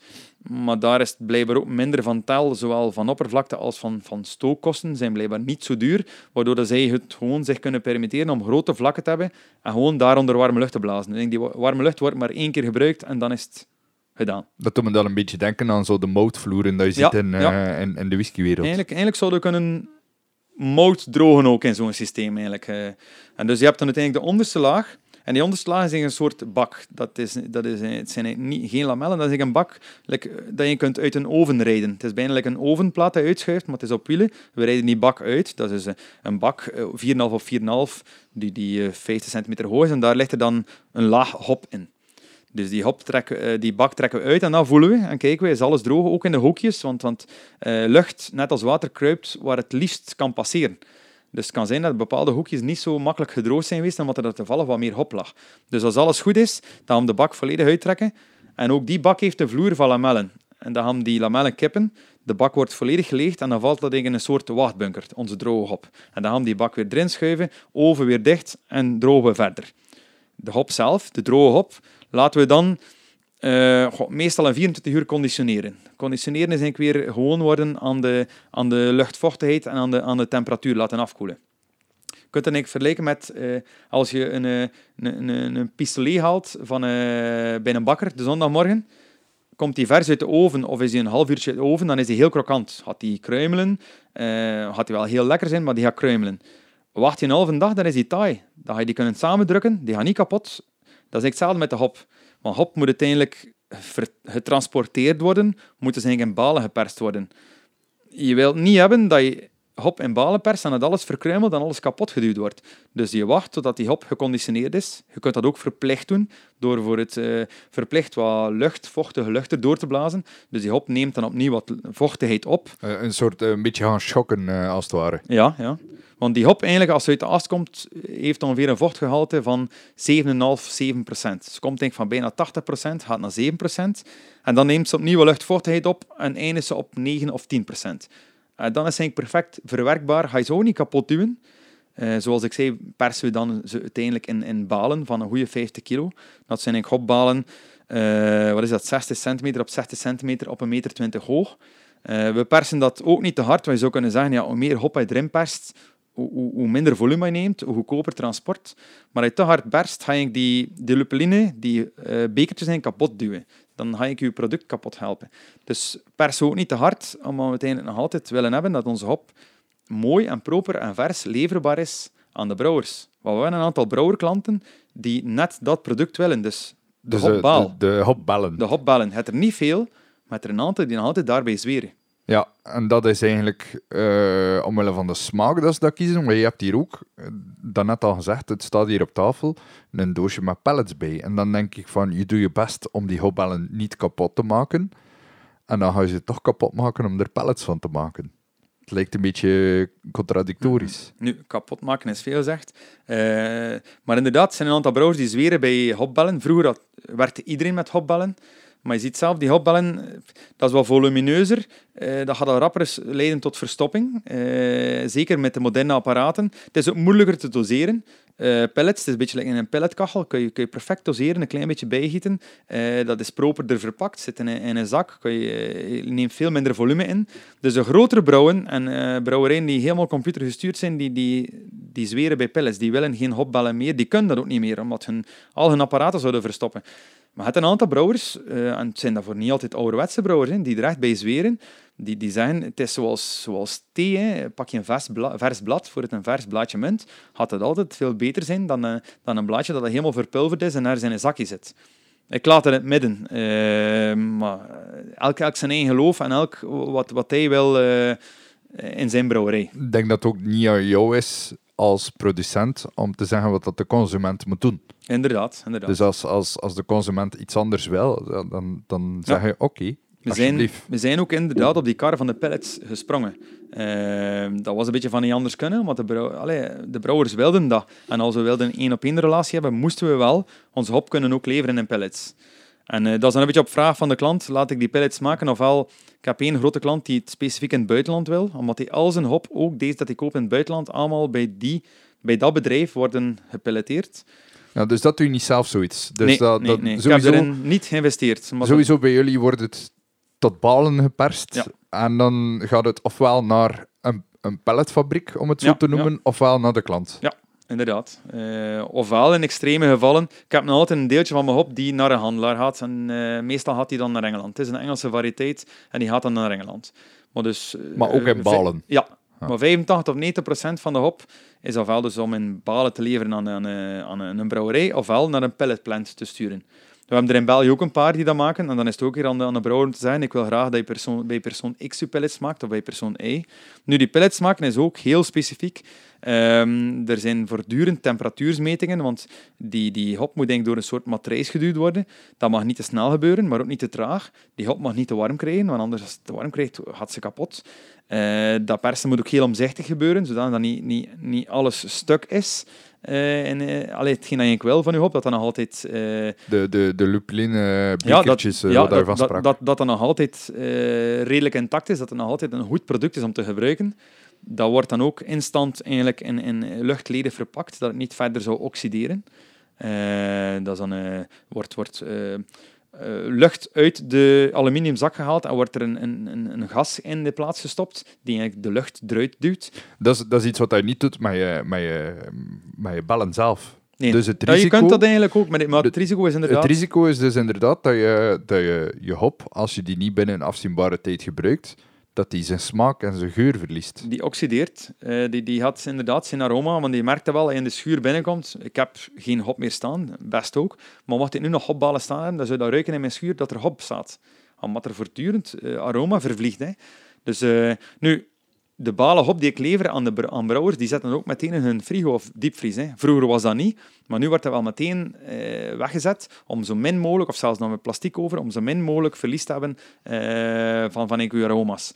Pellets heb dan het voordeel dat die meteen al eh, wegzitten van, van de atmosfeer. Die zitten meteen eigenlijk in een aluminium zak per 5 kilo. Of ik heb een klant die wil per 120 kilo. Ehm, en, en dan wordt dat ofwel in frigo's ofwel meteen in een diepvries gestopt. En dat is ervoor dat het lang kan bewaard worden. Mm, Dat heeft voor ons ook soms nadelen. Voor het in een, een jaar waar er heel veel hop is, of nu voor het de voorbije coronajaren, zijn eigenlijk lastige jaren geweest voor de brouwers, hebben ze minder gebrouwen. Dus hebben ze een deel van hun, ehm, hun hop niet kunnen gebruiken. Die zit nog altijd in de diepvries, maar die kan nog altijd gebruikt worden. Dus de markt is niet opgekuist. Dus we hebben misschien een geluk bij een ongeluk dit jaar. Het is geen goed jaar geweest. We hebben weinig kilo's, waardoor dat de brouwers hun vriezers moeten aanspreken en van hop Oost 21 ook moeten gebruiken. Ik ben aan de kant denk ik gelukkig dat gaan die eindes- eindelijk leeg zijn. Want anders het altijd een beetje een, een, een, een- een druk op de markt ook. Eh, ze moeten geen hop kopen, maar ze hebben er ook nog altijd in de diepvries zitten. Dus ze kunnen altijd de prijs een beetje drukken. Maar als de diepvries ook opgekuist is, dan, dan, dan is het weer te werken met de hop van dat jaar. Dus ja, dat is, eh, de, de moderne tijd is, is, is leuk. Voor het als nu in, in met diepvriezen kunnen werken, is heel leuk, maar het heeft ook zijn nadelen. tuurlijk. Ja. Elk, elk voordeel heeft zijn nadeel, Ja. zijn bekende Nederlander Ja, ooit. Inderdaad, het, eh, inderdaad, ja. het, het blijft wel gelden voor alles, denk ik dan. Maar voor mij ook, als ik voor het hop overkom, ik raak het niet kwijt, kan ik voor het ook in pellets laten doen en bij mij in een diepvries steken. Hè. Dan moet ik het niet weggooien. Vroeger moest je het weggooien. Ja. Dus het heeft voor mij ook wel voordelen, maar, Maar ik doe kom- het liever niet. Komen die pallets eigenlijk dan sowieso terug naar jou voordat ze naar je klant gaan? Of gaan ze van die fabriek rechtstreeks naar je klant? Dat is ook weer de keuze van de klant. Ja. Eh, voor de kleinere brouwers komt het allemaal bij mij terug. Dan steek ik het zelf in een, een frigo en eh, dan is gewoon, eh, dat is een beetje service dat je dan je klant, dat is eigenlijk die bellen dan, ja, ik heb morgen voor 30 kilo nodig, kun je dat klaarzetten voor mij? Grotere brouwers die hebben meestal zelf een grote frigo en die zeggen gewoon, kijk, alles dat komt van de pelletplant moet meteen bij mij binnen, in goede condities meteen binnen in de, in de bewaarcel. Ik wil alles meteen binnen. Dus ik heb dat liever eigenlijk. Ja. Eh, maar voor de kleinere klanten is dat niet altijd evident. Dus eh, ja, daar zijn wij al verplicht om te investeren in een frigo. Dat is natuurlijk geen grote frigo, want mocht ik al mijn hopbalen moeten binnenzetten, dan zou ik een gigantisch frigo moeten zetten om uiteindelijk maar twee maanden op een jaar te gebruiken. Ja. Want uiteindelijk, die hop gaat toch weg naar de brouwers. Dus ja, dat is, eh, dat is soms een keer een moeilijk evenwicht zoeken, maar, maar dat lukt wel. Nu, de, de, op dit moment is de hop eigenlijk klaar voor te gebruiken door de brouwers. Die gaan daarmee aan de slag. Waar zitten de grote smaakverschillen eh, tussen, die, tussen die verschillende soorten eigenlijk? En, en ook, is er een, een merkbaar smaakverschil tussen pellets en, en, en die hopbellen, of niet echt? Ik denk tussen hopbellen en pellets, denk ik niet, maar je zou daar eens moeten over praten met een brouwer die werkt met hopbellen. En waarom dat die per se de keuze blijft maken voor te werken met hopbellen. Die gaat er beter kunnen op antwoorden. Maar er is wel een verschil tussen de verschillende hopvariteiten. Ik heb al de bitterzuren aangehaald, de alfa's eigenlijk, maar ook de aroma's. En, en eh, het meest extreme voorbeeld is voor het, eh, bij ons thuis Cascade, een Amerikaanse variëteit. Ik ruik dat meteen als ik boom kom in een as dat Cascade is. Dat ruikt citrus. Het dan eh, voor het andere variëteiten die veel, veel subtieler zijn. Een, een, een- een Goldings, een Engelse variëteit, is veel subtieler. Daar moet je echt al moeite doen. Maar het zijn veel brouwers die daar, daar net bij zweren. Ehm, en eigenlijk zeg ik het meteen al zelf. Goldings is een Europese variëteit, subtiel. Cascade is een Amerikaanse variëteit. eh wauw, extreem. En dat is net zoals, dat is raar, maar het is net zoals de mensen ook zijn. In Europa zijn we meer voor subtiliteit. Wij gaan eh, eh, genieten van een glas bier. Dat hoeft niet altijd een extreme IPA te zijn, maar ook soms een, een, een of andere trappist of ergens een dat, dat je echt wel moet smaken en genieten. Terwijl de Amerikanen eh, veel liever iets dat extreem is. En die, die, die zouden ieder jaar een ander bier brouwen met nog extremer en nog andere hoppen. En je merkt dat ook in hun hopsoorten dat ze, dat ze ontwikkelen. En ik merk dat ook bij ons. De hop dat ik staan heb, hangt af van wel, welk continent of van welk land dat ze komt, dat ze toch wel ook een andere smaak heeft. En je merkt dan eigenlijk ook dat zelfs het klimaat er ook toe doet. Eh, ik zeg altijd tegen een brouwer, als die Cascade bij mij koopt, dat het Belgische Cascade is. Het is geen Amerikaanse. Want die Amerikaanse wordt gekweekt in woestijnklimaat. Is extremer van smaak. De Cascade bij ons is ook citrus, maar veel subtieler van smaak. Dus maar sommige brouwers zeggen, maar moet net die subtiele zijn. Als ik die extreme erin doe, dan gaat mijn bier te veel smaken. En anderen zeggen, ja, het is wel jammer, ik heb Belgische gebruikt. en Ik heb mijn smaak niet dat ik. Want dat is, dat is ook weer wat hij wil. Ja, dus, eh dus, dus frappant natuurlijk dat dat eigenlijk neerkomt op terroirverschil. En, en heel veel mensen onderschatten dat. Klopt volledig wat hij Eh, zegt. of geloven enkel dat dat bij druiven bestaat, maar Nee. ook bij andere groenten en fruit en noem maar op, planten. Bestaat dat ook en is dat merkbaar als je het vastneemt? Ik ga niet zeggen dat je nu meteen gaat zeggen dat het terroir anders is in België ten opzichte van Noord-Frankrijk, Engeland en, en, eh, en een stuk van Duitsland. Maar ga je dieper in Europa, echt continentaal Europa, allee, er is ook wel wat hop in Oekraïne of in Rusland, eh, of bijvoorbeeld in Slovenië, dat gaat toch al een iets andere smaak geven. Is het zo onderscheidend? Denk het niet. Maar Aziatische hop, Nieuw-Zeelandse hop of Amerikaanse hop, of die van Zuid-Amerika, dat is, een wereld van verschil. Dat is, eh, dat, is echt terroir. Eh, dat klopt echt. Ja, dat is ook zo'n beetje in Frankrijk. Hè. Je gaat maar net met je veld net buiten de Bordeaux-streek liggen. Je druiven smaken waarschijnlijk net hetzelfde als die in de Bordeaux-streek, maar ze hebben daar eens een lijn getrokken en tot daar is het en niet verder. Maar eigenlijk klopt dat niet. Die terroir, dat, dat, dat, dat deed ook wel uit. En datzelfde met de hop. Ja, eh, we proberen dat ook wel wat uit te terroir spelen. is natuurlijk meer dan enkel de, de, de grond. Terroir is ook hoe de Klimaat. menselijke handelingen die, er, die ermee te maken hebben. Dus Maar dat klimaat ook heel veel... ook, eh, eh, wij zitten met een, een maritiem klimaat, hè, zoals vandaag. Veel regen, geen extreme winters maar ook geen extreme zomers. Ga naar Slovenië of Midden-Europa, daar heb je extremere winters en ook extremere zomers. En dat heeft een invloed op je smaak en op je plant. Ja, hier heb je ook nog wat, uh, wat zebris. Als je op, Ja, eh, ja. op de, de Rode Berg staat eh, op Ja. een goede dag, dan kijk je tot aan de zee. Inderdaad, Ja, dat, dat- doet er ook toe. Dat, draait, eh, dat waait ook tot bij jullie natuurlijk. Ja, inderdaad. Dus nu dan eh, die hop, die wordt dan eigenlijk het verhaal voor jou stopt eh, eigenlijk als die geleverd is eh, bij de boer. Maar dan Bij de komt die- ja, bij de brouwer, sorry. Eh, maar dan, eh, dan komt die terug in de vorm van een fles. Ehm, je werkt voornamelijk met Belgische brouwers, omdat dat jouw filosofie is. Ehm, eh, dan vind je het toch wel altijd leuk om jouw flesjes te zien verschijnen in, de winkels. Ja, ik vind dat, Allee, jouw dat- flesjes, om, om, om te weten dat jouw hop in bepaalde flesjes zit. Ik vind dat superleuk. Zeker als je dan met, met vrienden op, op café of op restaurant zit. En dan zeg je, je moet dan een keer proberen. Dat is een brouwer die werkt met mijn hop. Dan ben je er uitermate fier op. En dat geeft zeg, nog een extra boost om nog beter je best te doen. Om te zorgen dat je bedrijf er nog proper bij ligt. Om nog meer te zorgen voor je planten. Want je bent niet anoniem. Als je anoniem moet leveren, ga je natuurlijk ook wel je best doen als landbouwer. Maar dat extra tikkeltje zit er toch niet in. Eh, Anders zeg je, kijk, ik wil, ik wil hem dat mijn, vrienden of familie of kennissen ook wel fier zijn. Dat ze dan kijkt, Bart zijn hop zit hier erin en we zijn hier aan het proeven van zijn hop en we steunen hem. We hebben daar trouwens ook een soort eh, logo voor ontwikkeld. Dat is het Belgische hoplogo.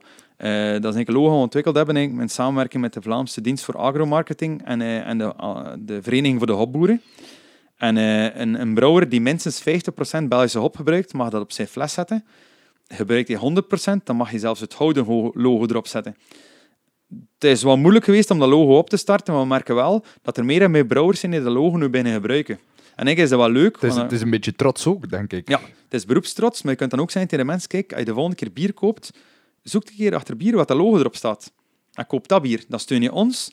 En dan ben je zeker van een lokaal kwaliteitsproduct. En het is nog goed bier ook, dus waarom niet? Ja, tuurlijk, tuurlijk. En is dat dan voor mijn bedrijf specifiek? Nee, dat is voor alle Belgische hoptelers. Dus eh, dat vind ik net een mooi verhaal. Ja, het hoeft niet enkel, het, het hoeft niet altijd om jou te draaien, want a rising tide lifts all the boats, eh, zeggen ze in het Engels. Eh, als het goed gaat voor iedereen, profiteert iedereen ervan mee natuurlijk. En we zijn als hoptelers in België toch veel te klein. We hebben een veel te klein areaal om elkaars concurrent te zijn. Er zijn, goh, ik denk, de middelgrote brouwers, hè, of, of ja, de relatief grote brouwers, als er één van die brouwers zou zijn, ik wil al mijn hop uit België kopen, is alle hop uit België weg. En is er niemand van de andere brouwers die nog Belgische hop kan kopen. Dus om maar te zijn hoe relatief dat alles is.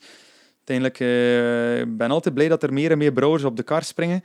Wat, Eh. gewoon om even eh, globaal te zien, hoeveel hop produceren wij in België? Heb je daar een idee van?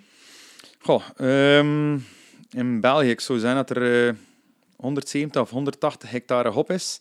En je zou zeggen, aan, aan twee, dat is wel ruim gerekend, 2000 kilo van de hectare, zou je moeten 2000 doen maal 180.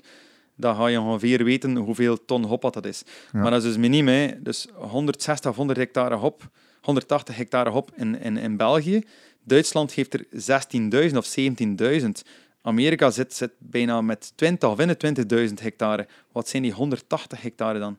We zijn trouwens, denk ik... eh, er bestaat een internationale associatie voor hopproducerende landen. Ik denk dat wij het kleinst, kleinste land zijn. Hè. We zijn het grootste land qua bierbrouwers. En we zijn het kleinste land qua hoptelers.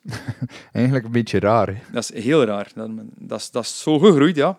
Ja. Eh, En, en ik denk dat het ergens ook zo is dat wij een beetje als, als consument, maar ook soms als producent, ja, de oorsprong van onze producten uit het oog verloren zijn eh, door een, een industrialisatie van de laatste 60 jaar.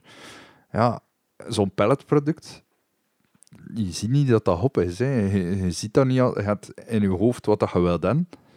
En je koopt dat op de markt, maar dat is daarom, die, die contact met die boer is weg. Hè.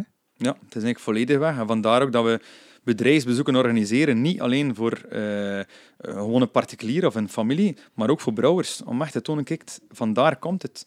En dan hebben ze zelf ook meer respect en gaan ze zelf ook nog meer aandacht hebben ervoor. Dan zeggen, amai, kijk, en, eh, dat groeit eigenlijk op dat veld. Dat zijn van die, van die palen met draden en het groeien daar zes, zes, zeven meter hoge planten aan. En dat korreltje komt denk ik daar vandaan. En ik denk dat voor, voor hen zelf ook zeker een meerwaarde is. We hebben al veel brouwers over de vloer gehad die echt hun ogen opentrekken. Die zeggen, we wisten dat niet. Ze, ze werken voortdurend in hun omgeving. Ze hebben een zak met mout, een klein zakje met gist, een zak met hop. En, en ze zijn heel goed in wat dat ze doen.